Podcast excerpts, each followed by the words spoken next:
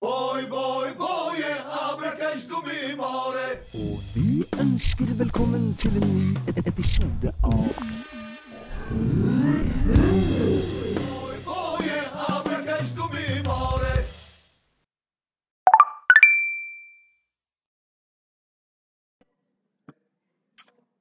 Velkommen til fjerde episode av eh, Hør, hør. I dag har vi livesending fra Oslo! Vi har flytta studio ned fra Trondheim, og i anledningen så mm, har vi med oss eh, noen av de vanlige deltakerne eh, i panelet. Velkommen, eh, Hans. Takk, takk. Jung. Tusen takk. Per Morten. Og meg sjøl, Kristian. Um, vi skal jo starte med en ting her nå. Vi, vi har jo flytta oss fra Vi har nevnt før at vi bor i Trondheim, så vi har flytta oss fra Trondheim ned til Oslo. Vi fløy jo. Um, noen av oss flyr jo mer enn andre, eh, sånn i hverdagen, men eh, jeg opplevde jo Jeg var jo til fly her om dagen og opplevde at eh, personen foran la ned seteryggen. Og sånn oppfatninga jeg har, er jo at det er jo vanlig flyetikette, da, for å kalle det. At det gjør du ikke hvis det sitter noen bak. Men Per Morten, tanker omkring det? altså, Du er litt uenig der? Selvfølgelig er jeg uenig i det. Jeg tenker jo at uh, når, det er, når det er muligheter å legge setet tilbake, så skal du gjøre det. Hadde det ikke vært lov, så hadde ikke muligheten vært, til vært der.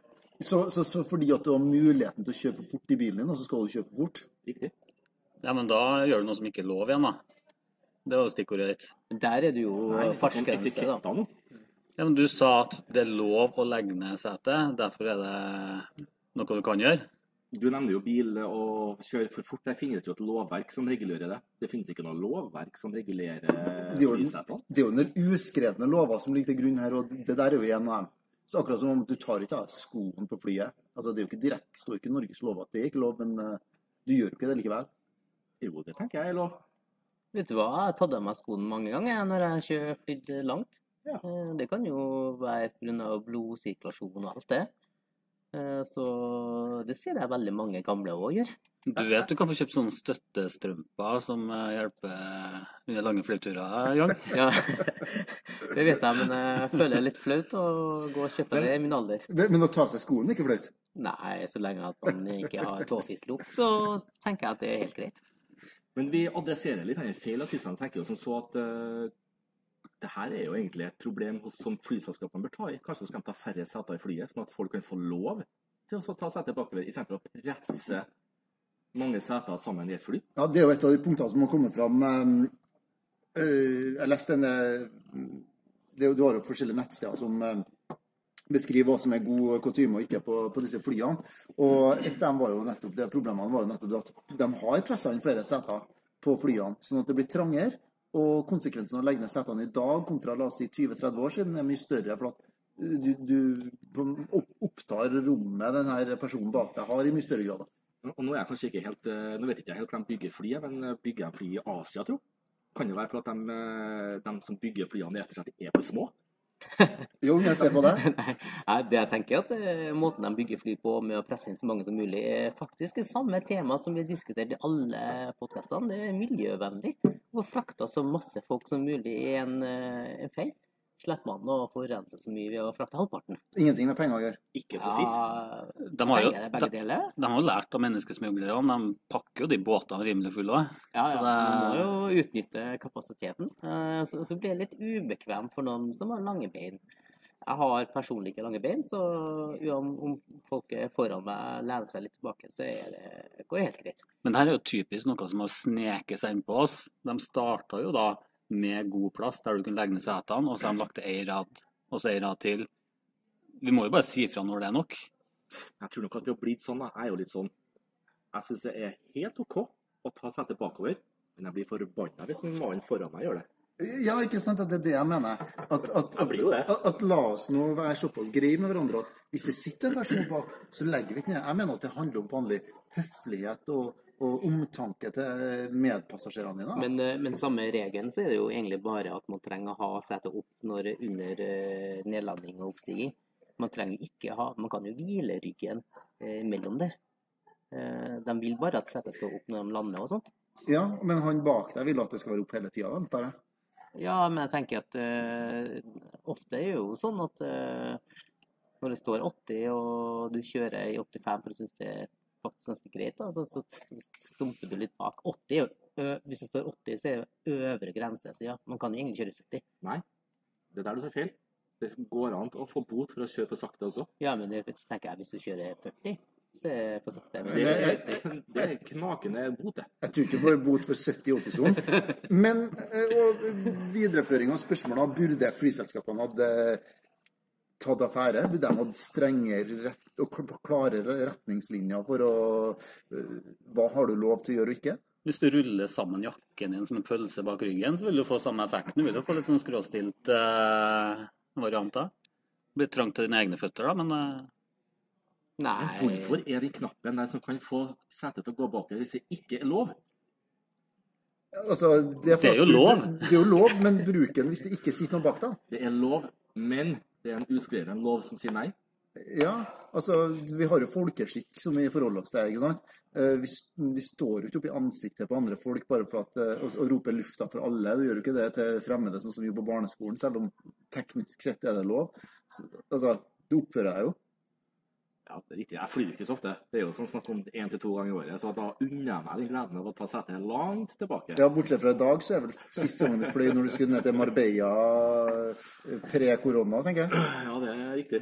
Men jeg tenker, jeg er litt enig med en, eh, Per Morten her, for jeg tenker at hvis det er en sånn uskreven regel på fly, så burde de ikke hatt den muligheten til å, i hvert fall på innlandsfly, der det tar bare en time, to timer maks, og, og skyve tilbake setet. For at det, det, det er ikke vits.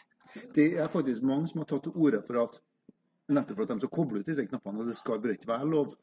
Eh, Fordi at eh, de som flyr mye, mener at det er, en uting å drive og legge seg tilbake. Ja, men, men igjen da, Kristian, er det dem som flyr mye som skal diktere reglene? Eller er det vi som kanskje flyr en gang eh, eh, halvåret eller året for å er det vi som, som må vite om de uskrevne reglene?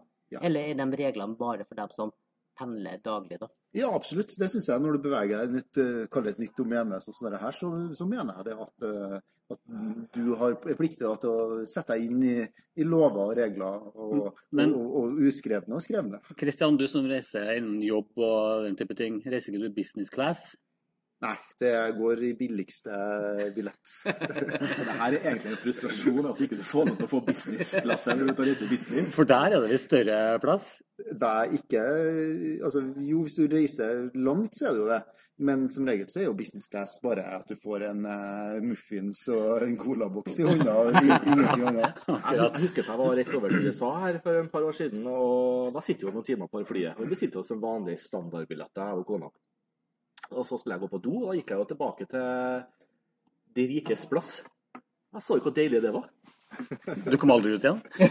Snakke om det. snakke om det. En gang eh, Jeg hadde jo flydd en del eh, eh, langt over til USA. Og, en gang skulle jeg til USA med jobben. Altså ikke den jobben her nå, men tidligere jobb. Og da mm, fikk vi fly, faktisk fly business class. Og det var jo helt fantastisk, fordi du hadde jo et eget lille sånn avlukke. Du kunne legge setet ditt helt flatt. Det var jo, var jo flotte middager, servering hele tida. De disja jeg og, og tok jo virkelig vare på det, det gjengen som jobba her. Men eh, så skulle jeg fly en gang senere, da. Og da skulle jeg jo fly i privat regi. Og da måtte jeg jo, hadde jo ikke råd til businessbillett, altså det koster jo skjorta. Så jeg kjøpte jo en vanlig billett da for meg og for resten av familien. eh, Skulle over med ungene. Og da tenkte, satt jeg der og så tenkte jeg jeg skulle ønske at jeg aldri hadde flydd den businessturen. For før så visste jeg ikke om hvor deilig det var. Men, men da satt jeg bak der og bare tenkte Ja. så Det er flott framme. Men jeg tror konklusjonen er da at hvis det irriterer deg, så kjøper business eh, class. Og hvis du reiser kort, så lar du være å Jeg, jeg, jeg tenker egentlig at uh, i Innlands-Norge, når man reiser maks to timer, så tenker man at eh, det må man ikke bry seg så mye om. Eh, så klart at eh, for, deg som reiser veldig ofte, så reiser du sannsynligvis sammen med dem som reiser veldig ofte òg. Da tenker jeg at det, da kjenner jeg etter men vi andre som reiser en gang iblant, da må du bare være tålmodig, og så må du tenke at det er amatører som reiser, og så får bare være. Jeg tenker vi skal snu litt hodet og si at uh, hvis du flyr en gang i året, så klarer du å sitte med seteryggen uh, opp uten at det er noe større. Det skal sies at i dag så fløy jeg med setelokket opp, da. Jeg, jeg lå ikke. Jeg er stolt av deg, Per Morten. Ja. Men, men den videoen du la på nettet, da, den uh, viste jo at du Nei, du gjorde kanskje ikke Det det? var en liten fake video. Fake news. Det var blue, blue screen og Men eh, vi sitter jo her i Oslo og eh, skal over til en annen sak som um, dukka opp i media her for ikke så lenge siden angående Oslo kommune. Eh, det viste seg at Oslo kommune hadde eh, planlagt en eh, bygging av en garderobe. En kommunal garderobe. Eh, og så hadde de brukt rundt 18 millioner kroner på den garderoben. De hadde hyra inn over 100 konsulenter som hadde jobba på denne garderoben. Garderoben ble aldri bygd. Hva, hva, hva er greia her, folkens? Altså, er, er det, kan vi ikke stole på at eh, kommunale Norge forvalter pengene og får til noen som helst, eller? Per Morten, jeg ser på deg som jobber i Ja, kommunen. riktig, riktig. Jeg vil nok tro at eh, spør du de her 100 konsulentene, så vil de si at eh, det her var riktig bruk av penger. Men er det fasiten? Nei, nei, nei, langt ifra. Jeg, jeg må jo si det er, det, Jeg gremmes jo over å eh, lese om det. Og altså, det er helt sjokkerende at de kan bruke 18 millioner på noe som ikke finnes. Men fasiten her er jo at når det skal gjøres noe for stat og kommune, og private aktører leies inn, da skrives faktura med gaffel. Det er jo Men det. det- det er, Det jeg syns er veldig merkelig, er at uh, i Oslo kommune, de er så stor kommune, at de ikke har sånne arkitekter og planleggere sjøl. At de må leie inn konsulenter og bruke så mye penger for ting som uh, er egentlig nå, nå ble det jo ingenting ut av det, men jeg tenker alle andre planlegging og bygg, at de ikke har folk. For det har de jo. De har jo folk. De har jo arkitekter, de har jo alt, eksperter. Men de velger å ikke bruke interne uh, arbeidsstyrke da, for å kunne intern kompetanse? Ja. Men, men er, det, er det bestillerkompetansen, eller er det, er det, er det prosjektstyringa og prosjektledelsen det går på? Eller hva, hvor er det de bommer? Det- For det, dette er jo ikke, det er jo ikke et unikt eksempel. Eh, Trondheim kommune har, nei, eh, Oslo kommune har jo mange eksempler på at de har dumma seg ut. Vi kan jo også snakke om avfallsordninger som Oslo kommune har holdt på med å dumme seg ut på. Eh, Hun godeste Lan måtte jo gå på det. Mm. Mm. Så men hva skyldes det? Det er interessant. Det er, det er, In inkompetanse. Det, er, det, er, det, er det så enkelt? Så? Nei, nei, nei. Ja, Jeg- jo, det er det. nei, Så enkelt jeg er det. Nei, jo. Jeg, det jeg tror, er at ved å skippe ut øh, De leier inn konsulenter, så vil de òg fraskrive seg ansvar. La oss si at hvis jeg da Jeg har liksom Jeg og Per Morten, han er arkitekt, og han skal gjøre noe for meg, så vet vi at hvis han driter seg ut, da, så går det på meg og han. Men hvis vi leier inn en hans det er spill som er utenfra, og det ikke går bra, så kan vi skylde på han. Så jeg tror at på mange måter så er det strategisk at jeg bruker andre. Så hvis det blir for dyrt eller for vanskelig, så skylder jeg på konsulentene som har gjort den jobben. Så da har jeg fått tilbakemelding fra konsulentene at sånn blir det. Så de sjøl ikke Da, er det- da er en syndebukkbuffer eh, inkludert i den Mm. fakturaen her, Jeg da. vil ikke akkurat si at Oslo kommune sitter her eh, helt uskyldig. De har dumma seg ut eh, ganske mye. Ja, men hvis du, ser, hvis du hører på svarene, da.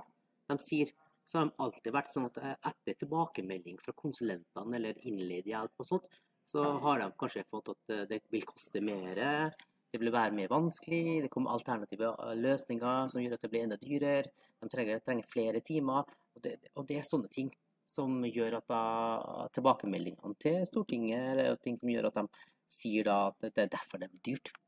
Istedenfor å ha en kommune som er ekspert på det, for det kunne de ha leid eller ansatt. Ja, De kunne oppretta en egen sånn konsulentavdeling da, som eh, kunne tatt seg av det der. Ja, Konsulentbruket i Oslo og kommunene generelt eh, i Norge har jo bare eksplodert. Det er jo en grunn til det. Det er jo fordi Mm. at de rett og slett ikke vil ønske å ha det, det ansvaret når ting går galt. Eller er det her en lovlig form for korrupsjon, hvor de eh, siler penger ut fra det offentlige inn i private lommer? For noen har jo tjent 18 millioner. Da Ja. Går du nærmere sømmene, så er det sikkert en onkel og nevø og forskjellige innblanda i de firmaene der. Altså, Vi kan legge til at avtalen ble, vi gikk ikke ut på anbud. Det ble anskaffet under en rammeavtale Oslo kommune hadde, og det er nå for så vidt greit nok. Men, men jeg tenker at noen må jo ha ansvar for å følge opp dette, sånn at disse eh, rammene blir holdt i disse prosjektene. Nå, nå er det jo også interessant å se at når de spør Oslo kommune, så er det jo ingen som satte i gang det prosjektet som jobber der lenger. Eh, Så det er ingen som kan gi en ordentlig svar på hva som egentlig har skjedd, skjedd der. Men Har de flytta annen avdeling, da? Nei, de har skifta jobb, eh, gått av med pensjon, eh, flytta. Men, men det er tydelig at det er vanskelig å få noen klare svar da, eh, fra, fra Oslo kommune på det. Men vi har jo sånne saker i, i andre kommuner rundt omkring i landet også. Det er jo ikke unikt for Oslo kommune. her.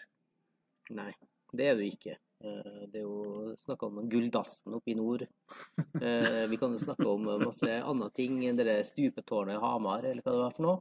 Eh, Vi kan jo snakke om den jernbanen som de tenker å bygge over Kvikkleire. Som er utrolig, blir utrolig dyrt, da. Og utrolig usikkert, egentlig. Og det er snakk om bare et par kilometer, så det koster kjempemye bare for at det er over Men hva gjør vi, da? Hvordan, har dere forslag til løsninger? folkens? Hvis vi hadde fått gått inn i kommuneadministrasjonen og bestemt i Oslo kommune, hva hadde du gjort da for å få sånne ting på Jeg skulle trekk? ønska jeg kunne ha sittet og vært den øverste leder hvor jeg kunne ha fått lov til å ansette dem jeg ville, samtidig som jeg kunne ha fått lov til å sparke dem jeg ville. Altså, Det tror jeg hadde Det hadde hjulpet. Hvis jeg hadde vært leder i Oslo kommune og, Ja. nei, og gjort hva jeg ville, så hadde denne garderoben blitt bygd for uh, en, en brøkdel av den uh, kostnaden her. det, det, det jeg tenker, da, er at uh, politikerne, de er De slipper unna for mye. At du, du har blitt, fått et ansvar av, av velgerne. Du har fått en tillit for å forvalte våre penger. da. Og da tenker jeg at det, er utrolig eh, dumt at de ikke står til ansvar for ting eh, når tilliten eh, blir brutt. da. Vi skal komme tilbake til det der med tillit og politikere litt senere i, um, i podkasten, Jong. Men um, det som er synd her, er jo at vi aldri får, kommer til å få etterprøvd den der påstanden din om at hvis du hadde fått lov til å sparke og ansette dem du ville i kommuneadministrasjonen, så hadde det gått kjempebra. Det er akkurat det jeg kan si det. jeg sier. OK. Eh, over, til, over til neste tema. Vi sitter jo som sagt i Oslo. Den evige stad. Tigerstaden. Norges navle. Hovedstaden, maktsentrum osv. Og, og det er jo nettopp det neste sak skal handle om her, er jo, er jo tillit eh, til politikere. Den gangen her skal vi jo på rikspolitikere. Og vi fikk jo her tidligere eh, i uka høre at Eva Kristin Hansen fra Arbeiderpartiet, som eh, var stortingspresident, hadde gått av etter nok en pendlerboligavsløring. Eh, Eva Kristin er jo trønder, som dere vet, og hadde jo da leid en hybel av Trond Giske. Så det var jo noen som humoristisk sa det at um, det er rart uh, ektemannen får høre at uh, hun plutselig ikke bodde hjemme lenger, men bodde på hybel til Trond Giske. Det må være en overraskelse. Og det hadde tydeligvis glemt, da. Nå har jeg Nå har jeg aldri eh, tenkt på hvor Trond Giske har hyblene sine, og heldigvis har jeg aldri opplevd noen av dem. Men uh, hva er det som skjer her? Sjokkerende at Trond Giske er blitt sånn bolighai. Ja, er det det? Han var jo ikke, Nå skal ikke jeg påstå for mye her, men uh, han har jo noen andre tidligere Arbeiderpartikompiser som har drevet med bolig i Trondheim. Nei, var det ikke sånn at hun leide bare et rom i huset hans? Altså, og, og kunne bruke bad og kjøkken eh, fritt, men ellers Hun leide soverommet og sammenhengsrom. så- Vi, vi trenger ikke å tenke på detaljene der. Eh, Men, men teorien her er jo da kanskje at eh, hun faktisk har bodd sammen med Trond Giske, og da går av for å skjule hennes sin skam. Kan, kan, Nei ikke, kan ikke jeg tenke meg. For er det noen som bør være forsiktig med hvem de bor sammen med og er sammen med på fritida, så er det Trond Giske. Etter den derre Ja, han har ikke noe mer å ta av. han, han, har- kommet så langt ned. Det, det, det jeg syns er, er litt uh, synd, da, er jo først og fremst at hun er trønder. Hun er en av de få trønderne som er igjen, som eh, har eh, hatt, eh, fått muligheten til å ha stor makt og kunne påvirke eh, politikken. Hun ble jo felt av, av det jeg sa. På, på mange måter så er, er det veldig viktig at Adresseavisa har gjort det. Men på andre, andre sida så er det, tenker jeg, hun som stortingspresident eh, og den saken om hybler og pendlerbolig og hva det er for noe, var så stor rett før eh, valgkampen og rett før hun ble eh, valgt inn som stortingspresident, at det ikke ringte noen bjeller fra henne. Men nå er jo Ola Borten Moe trønder, og hun helseministeren er vel trønder, så det kryr av trøndere. Jeg kan ikke si at vi er Vi er ikke Ja. underrepresentert. Nei. Nei, vi er, vi er vel godt Men, men Per Morten, Mm. um, burde ikke hun, når Ropstad-saken sto på som fullt, burde ikke hun ha tenkt pokker, dette her kan jo angå meg òg. Jeg har jo også pendlerbolig.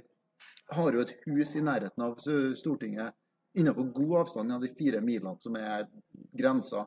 Burde ikke hun på en måte tenkt dette her må jeg melde fra om. Jeg må i hvert fall få klarert at det er OK.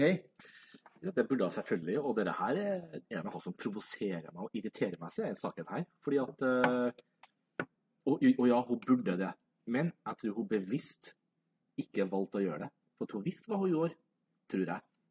Og for hun har tjent mye penger på det her. Ja, hun har tjent en 170 000 kroner som hun slår på å betale skatt. Ja, ja, ja. Og det er jo på en måte blitt en sånn her eh, ting at eh, så lenge du sier unnskyld og jeg har politiker som yrke, så går det greit. Ja, Er det nok? Tydeligvis er det nok.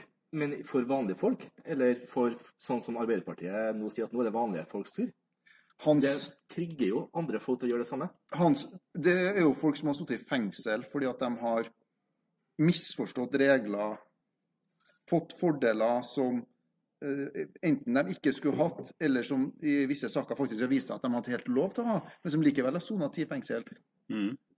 Eh, Det stemmer, det. Hva, hva er forskjellen? Hvorfor, hvorfor er det så stor forskjell på politikere og dem som av og til gjester hjem til deg? skulle du si? Ja, ikke sant. Det, det er et klasseskille der, da. Det, og det som er enda mer å stusse over, er at hun var med på å overse de reglene her. Mm. Og så over de at de skulle være korrekt.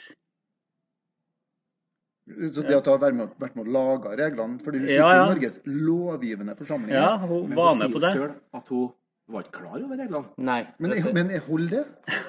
Tydeligvis så holder det. Så at nå, nå kan jeg gå i butikken så kan jeg stjele. Og kan jeg si men faen, jeg glemte at det var lov til å Ja, lov til å stjele». faktisk.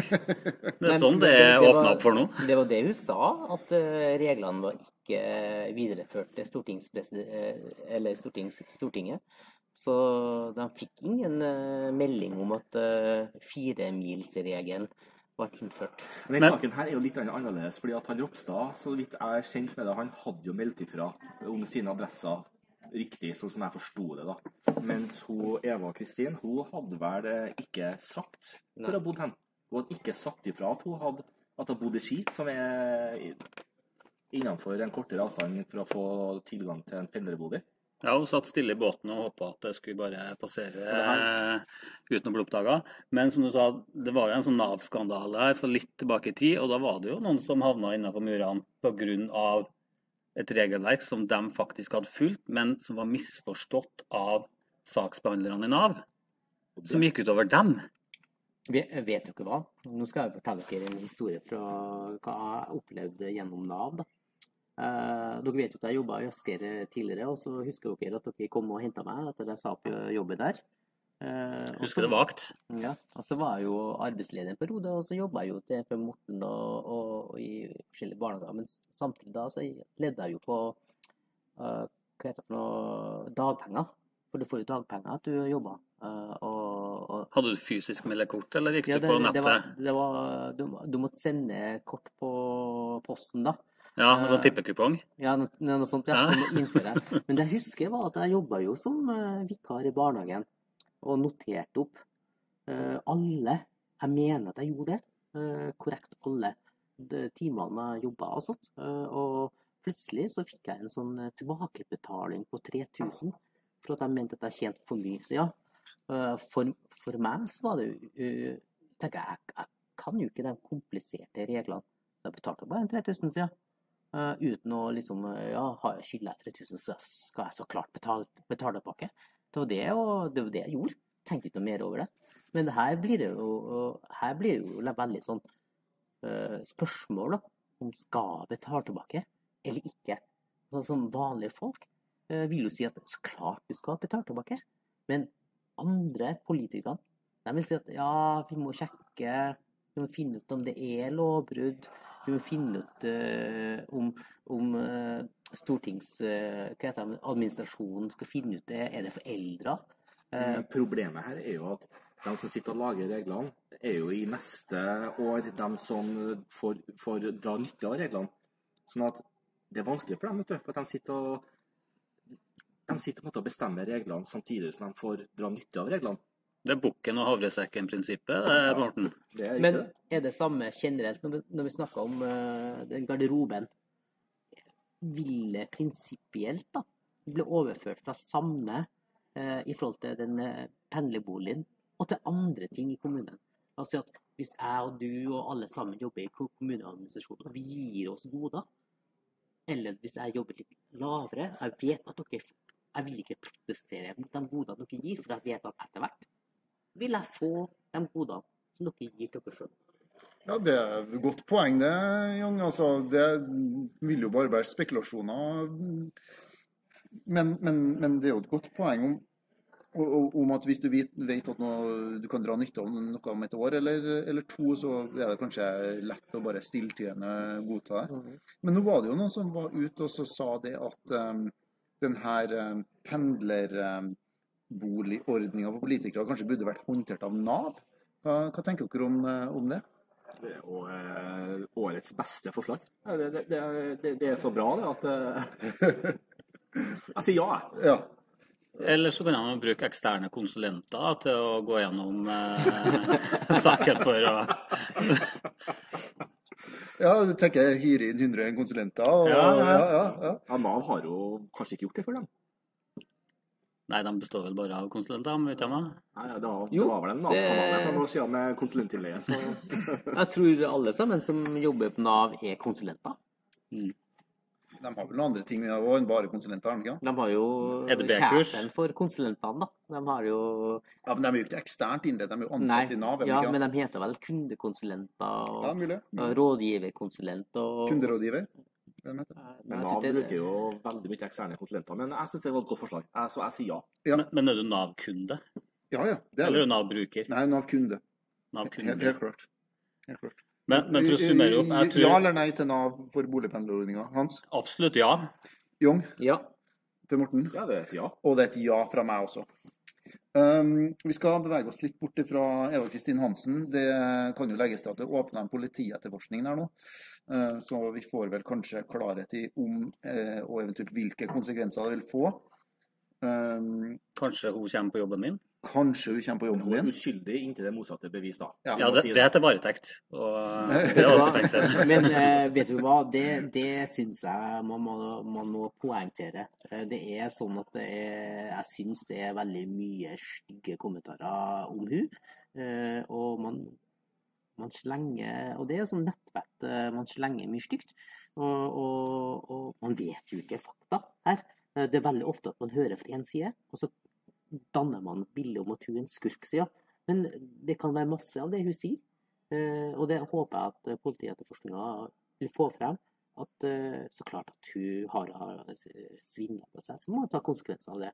Men man skal ikke dømme folk Det- før ting er ferdig. Nei, og det påvirker jo også hele demokratiet. Det gir jo en sånn politikerforakt.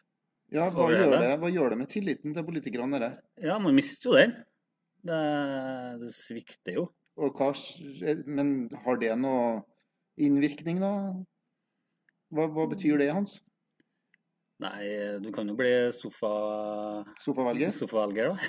Ja. Vet du hva, det, det, akkurat det med den saken her syns jeg er utrolig synd. Eh, man hadde håpa at uh, hun som sto frem og skulle rydde opp i saken her, uh, skulle ordne på en god måte. Men igjen, man vet ikke saken. Sånn her. Man hører fra en, eh, en side. Og, man, og hennes forklaring var jo heller ikke god, men hun må forklare seg bedre for politiet, tenker jeg. Hun foreslo å stå på talerstolen og si sin forklaring, men det fikk hun ikke lov til. Hun måtte gjøre den skriftlig. Det er nå for så vidt en grei sak, tenker jeg. Om du gjør den skriftlig, så er en skriftlig redegjørelse, tenker jeg. Det, det, det er helt Det innafor. var enda bedre. Ja, kanskje til og med bedre. Um, men eh, det kom jo fram her, helt på tampen av saken her, det kom det jo fram at det var jo et eh, samlivsbrudd som var eh, årsaken eh, til at hun hadde valgt å eh, midlertidig bo eh, bort fra huset sitt. Og eh, samlivsbrudd er jo noe noen av oss eh, er kjent med. Eh, jeg ser på deg, Hans, eh, og du ser på meg. En annen som skriver litt om samlivsbrudd og det å være singel, er Sanna Saroma. Hun har skrevet en artikkel hvor hun sier at det var at stusslig rett og slett å være, være alene. Og uh, nå kaller jeg riktignok ikke singel, men enslig. Um, det er nå en uh, OK um, i min bok hvert fall en OK eh, betegnelse, det. Men uh, hun, eh, hun hadde jo også noen krav, da, og Eller forventninger, kanskje, til, til sin fremtidige nye partner. Um, det, en annen ting som jeg har skrevet, blant annet, som en som heter Espen Rølla har hengt seg opp i, var jo det at eh, Lillehammer, eh, hvor eh, hun da tydeligvis holder hus, da, er en litt sånn eh, kjip eh, by. Eh, er det noen som har noe forhold til Lillehammer, eh, bortsett fra at det var OL der?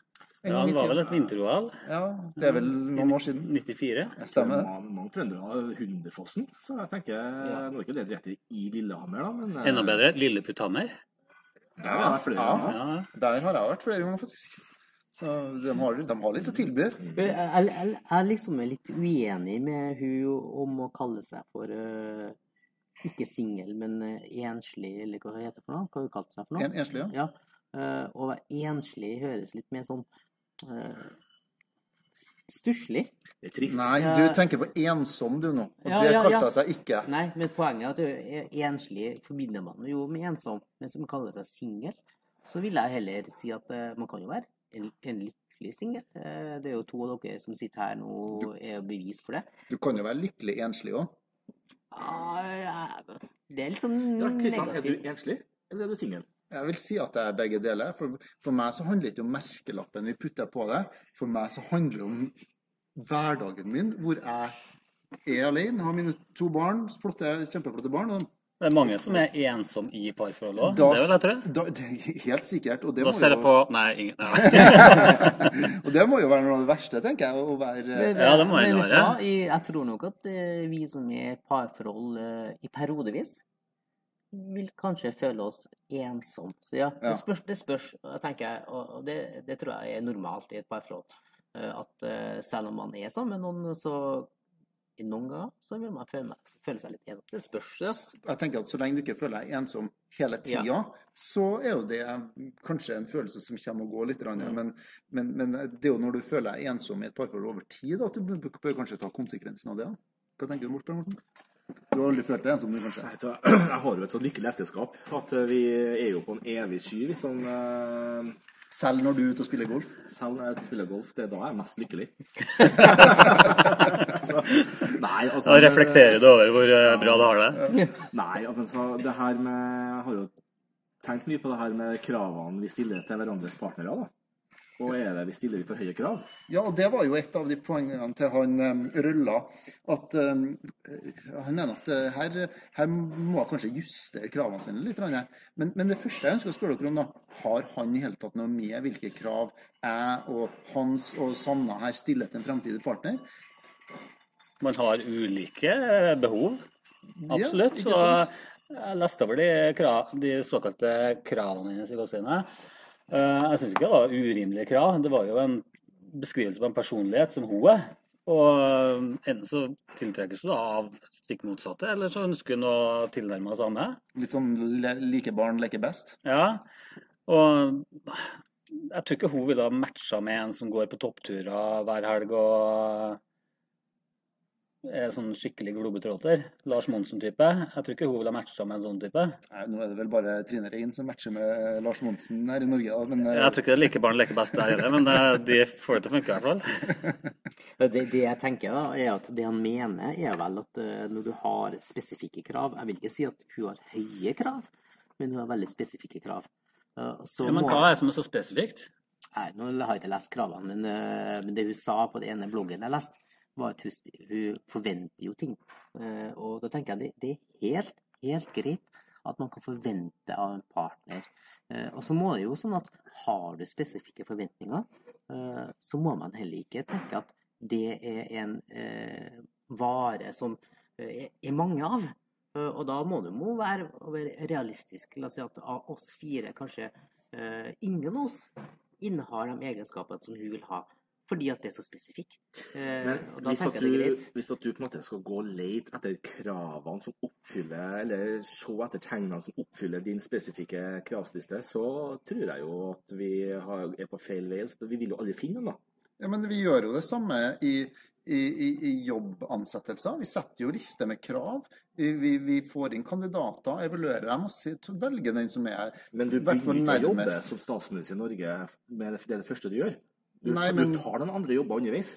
Jo, det bør kanskje hos andre der også gjøre. jo, det- du har jo gjort det. Du har vært gift og Ja. hadde jo hatt flere andre kjærester både før og etter. Det vil jeg anta. og hun skrevet vel noe om at hun ikke hadde vært singel. Men, så lenge. eh, Men, men, men jeg, tenker, jeg tenker, vi gjør jo det jobbmarkedet. Hvorfor skal vi ikke være lov å gjøre det i, i, i kalle Men singelmarkedet? men Kristian, nå tar jeg og faktisk å si sitat fra Kristian. er jo fordi at eh, at eh, du sier jo sjøl, når man leter etter folk, så er det veldig vanskelig å finne akkurat de kriteriene man leter etter. Så må man bare lete hva er det som er viktigst i det rollen. Så du må inngå noen kompromisser. Ja. Men jeg tenker, det, da, For å inngå noen kompromisser, så må du kanskje vite hva du leter etter. Mm. Men, men, men bryr vi oss, eh, bryr vi oss eh, for mye i dag om hva andre driver med, og hva andre mener og gjør? og... Jeg tror jeg det var andre svar for. Jeg, for, min, for min egen del så bryr jeg meg lite om kravene andre stiller. Ja. Eh, for min egen del eh, tenker jeg som så at eh, jeg har funnet noen som matcher meg ganske bra. Ja, og, Ikke, ikke 100% for den personen tror ikke jeg finnes. Jeg tror ikke jeg går til å finne en 100% match. Nei, du er jo veldig spesiell, så um, det er kanskje ikke så rart. Men, godt gjøres å finne en match til deg. Men er tett oppom, eh, tett oppom da. men, men, men, men da dere toene, jeg ser på dere toene som fremdeles er gift her, eh, da dere toene gikk inn i ekteskapet, hvilke forventninger hadde dere til, til partneren deres da? Vet, vet du hva, jeg hadde ikke noen forventninger. Tok du eh, første beste som kom rullende av gårde? Nei, eller? nei. Eh, Det, det som er at eh, jeg og kona er jo veldig forskjellige. Eh, Og det syns jeg er òg veldig rart, for at vi har forskjellige interesser. Og vi, vi har forskjellige ting vi gjør. Og, men allikevel så får vi det til, å fungere. Jeg tror at det, eh, Sånn like barn leker best. Jeg tror at det, det, det handler litt om å, å, å tolerere andres ting. Hun garanterer meg, eh, dere at hun irriterer seg over utrolig mye av de tingene jeg gjør. Og noen ganger så blir jeg irritert over de ting hun gjør, men så må du bare være raus, da. Eh, Sånn er jeg, sånn er du. Så lenge at Ja. eh, det? Ja, Fortell, fortell Per Morten. Fortell. Jeg sa det at jeg må få lov til å være meg sjøl. Hva betyr det? Jeg skal dyrke mine hobbyer, dyrke mine interesser. Det er Manchester United. Eh, Og ostepop. Nei, Ikke, ikke helt, men uh, det var vel Manchester Manchester City, var ikke det? Ja, riktig. Så lenge jeg får lov til å dyrke mine hobbyer og mine interesser, får lov til å være meg sjøl 100 så er jeg lykkelig. Men Kanskje er det, er det egoistisk. Men, men, Ja. men, men gir, du det, gir du rom til det samme til kona di? Ja? Nei, hun må jo Selvfølgelig gjør jeg det. Selvfølgelig gjør jeg det. Men, eh, men eh, litt sånn, snakke litt sånn generelt, da. eh, Angående det der, der som var tema i disse her i innlegget til hun Saroma og han Rølla. Eh, og det de diskuterer litt sånn, er jo altså, Hvor er det kravene legges hen? Har folk generelt for høye krav til en, til en potensiell partner, eller eh, har, vi, har vi misforstått vår egen eh, plassering i det her kalles hi- hierarkiet? Vet du hva? Eh, Jeg tror, jeg tror da at eh, kravene eller forventningene er litt to forskjellige ting. Jeg mener sjøl at jeg gifta meg oppover. Eh, Kona mi kunne ha klart seg med mye kjekke kar. Eh, Men på en eller annen måte så har jeg hatt veldig flaks og, og, og gjort det. Eh, Og så tenker jeg at kanskje hennes krav er lavere enn mitt krav. da. Kanskje hun syntes Ja, jeg nøyer meg med han. Ja. Mens jeg liksom jeg nøyer meg ikke med noen under hun. så, så det blir liksom Jeg tror det er veldig personlig. Og så tror jeg at det må lov, være lov. Har hun høye krav, forventa en, en, en kar som er sannsynligvis bedre enn det vi, vi som sitter rundt bordet her, er, så må han få lov til å ha det. Men du kan ikke forvente at du finner en sånn kar. For at den karen som hun kanskje synes innfrir kravene hennes, kanskje han har andre krav. Ja, det er klart. Mm. Og, men jeg tenker sånn litt sånn For min egen del har jeg noen forventninger til en eventuell potensiell ny partner, jeg òg. Interessant. Ja. Og For, dem, for, forklar oss de forventningene. Eh, det ligger på eh, Altså Hvis jeg skulle lage en liste, da, så tror jeg ikke jeg havna så langt unna hun Sarumas liste. Det må være noe oppegående. Det må være litt Orientere seg litt i samfunnet. Det må være muligheter for å snakke og diskutere omkring, omkring politiske nyhetsforhold. Litt av det vi, sånn som vi tar opp på bloggen, selv om vi bare skraper i overflata som regel. Vi er jo verken en politisk eller, eh, eller samlivsblogg. Nei, samlivspodkast, mener jeg. Eh, og, og, og, og, det må være en viss eh, hva skal jeg si, kjemi og kanskje noe udefinerbart der som, som, som du ikke vet før du treffer dem, men, men som dere da tydeligvis som er gift har klart å funne hos dere partnere. Det her var jo et veldig politisk korrekt svar. Ja, men Kikker du ikke etter utseendet? klart jeg gjør det. Altså, jeg skal, såpass må jeg si at det må jo være noe du liker på utseendet også. Det er jo gjerne første Det kontaktpunktet. kjemien. da. Men, men jeg har jo møtt dem som jeg syns ser veldig bra ut, men som etter du har prata litt og vært litt sammen, finner ut at dette her fungerer jo ikke. Dette her var det jo ikke noe felles grunnlag for å bygge noe videre på. For du vet jo det at det her med utseendet, det feider over tid. Altså, altså etter hvert så, så Når du tilvenner deg situasjonen, så blir det på en måte andre ting du bygger forholdet på. Eller er det kun utseendet dere to bygger forholdet det, deres det, på? det må, men utseendet er det første du ser. Ja, det er det jeg mener. Det, det det Det initielle kontaktpunktet. Og det er først der du bestemmer deg for om du skal snu deg, eller om du skal gå mot den. Ja. Uh, men, men etter det, så for å på en måte bygge et videre liv og bli gift og, og få barn sammen, så krever det selvfølgelig litt mer tyngde, da. Selv Ja, jeg tenker at eh, Skal du bygge et forhold, bygge et liv og prøve å bygge noe sammen, så må du ha et visst sånn felles verdisett. Du må være litt sånn felles interesser, kanskje. Du må ha noen aktiviteter du klarer å gjøre sammen. Og, og du må på en måte ha de der grunnverdiene i bunnen altså, som gjør at du klarer å, å, å trekke i samme retningen. For det er jo, det er jo, et parforhold er jo et prosjekt, på en måte. Eh, Du, du skal jo være til stede for hverandre, og du skal jo være gjennom hele livet. Så, så, så, så hvis du ikke klarer å koble sammen noe mer enn at du syns den andre parten er, er fin å se på, ja, da tror ikke jeg det varer særlig lenge. Men du, vi snakker om krav her, da. Og eh, jeg ser jo i vennegjengen vår, eller i vennegjengen til kona mi, da, at den som er single nå i dag, det er den som har hatt høye krav. Det har aldri fått seg noe. Interessant. 42 år, 43 år og fortsatt singel. Ja. Ja. Og da er spørsmålet her eh, Burde de ha fira litt på kravene på en tidligere aldersstadium? Men eh, la oss stille henne. altså, Det er jo et krav til en ny partner. Men Hans, vi har jo tydeligvis stilt noen krav til eksisterende partner som gjorde at dette kanskje feila. Altså, når vi er i parforholdet, hvordan, hvordan- hva tenker du om, om de kravene som bør stilles innenfor parforholdet? Du mener når parforholdet har starta? Ja, når du er gift, da. Når du er gift, da. Nei, det må jo bare bli at man Man må bare bli enig, på en Mm, måte. mm. Det, jeg tenker at man bør gå mer åpent til sinns inn i et parforhold. Du kan ikke bestemme nøyaktig hvordan en person skal være før du møter den.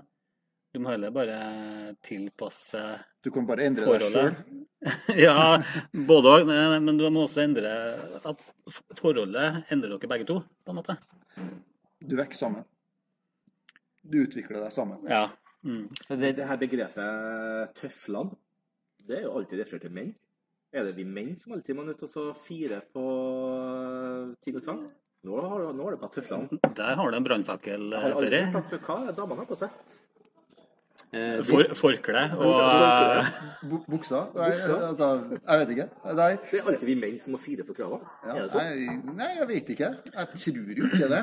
Jeg, altså, jeg tror bare at vi har et sånn stereotypisk kjønnsrollemønster som henger igjen fra gammel tid, hvor mannen liksom skulle være den sterke, skulle være mannen i forholdet, skulle, skulle være forsørger og, og, og, og på en måte stå fram som den som bestemte. Og det var det jo sikkert for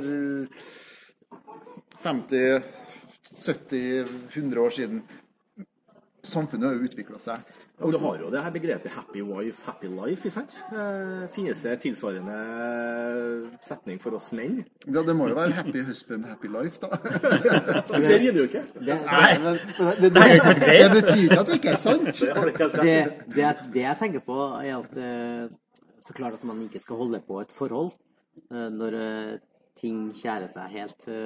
Men uansett så handler det litt om Som Per Morten sier, at det er utrolig viktig at man må få lov til å være seg sjøl. Så må man raushet i det. Ja, men er du den samme personen du var for ti år siden?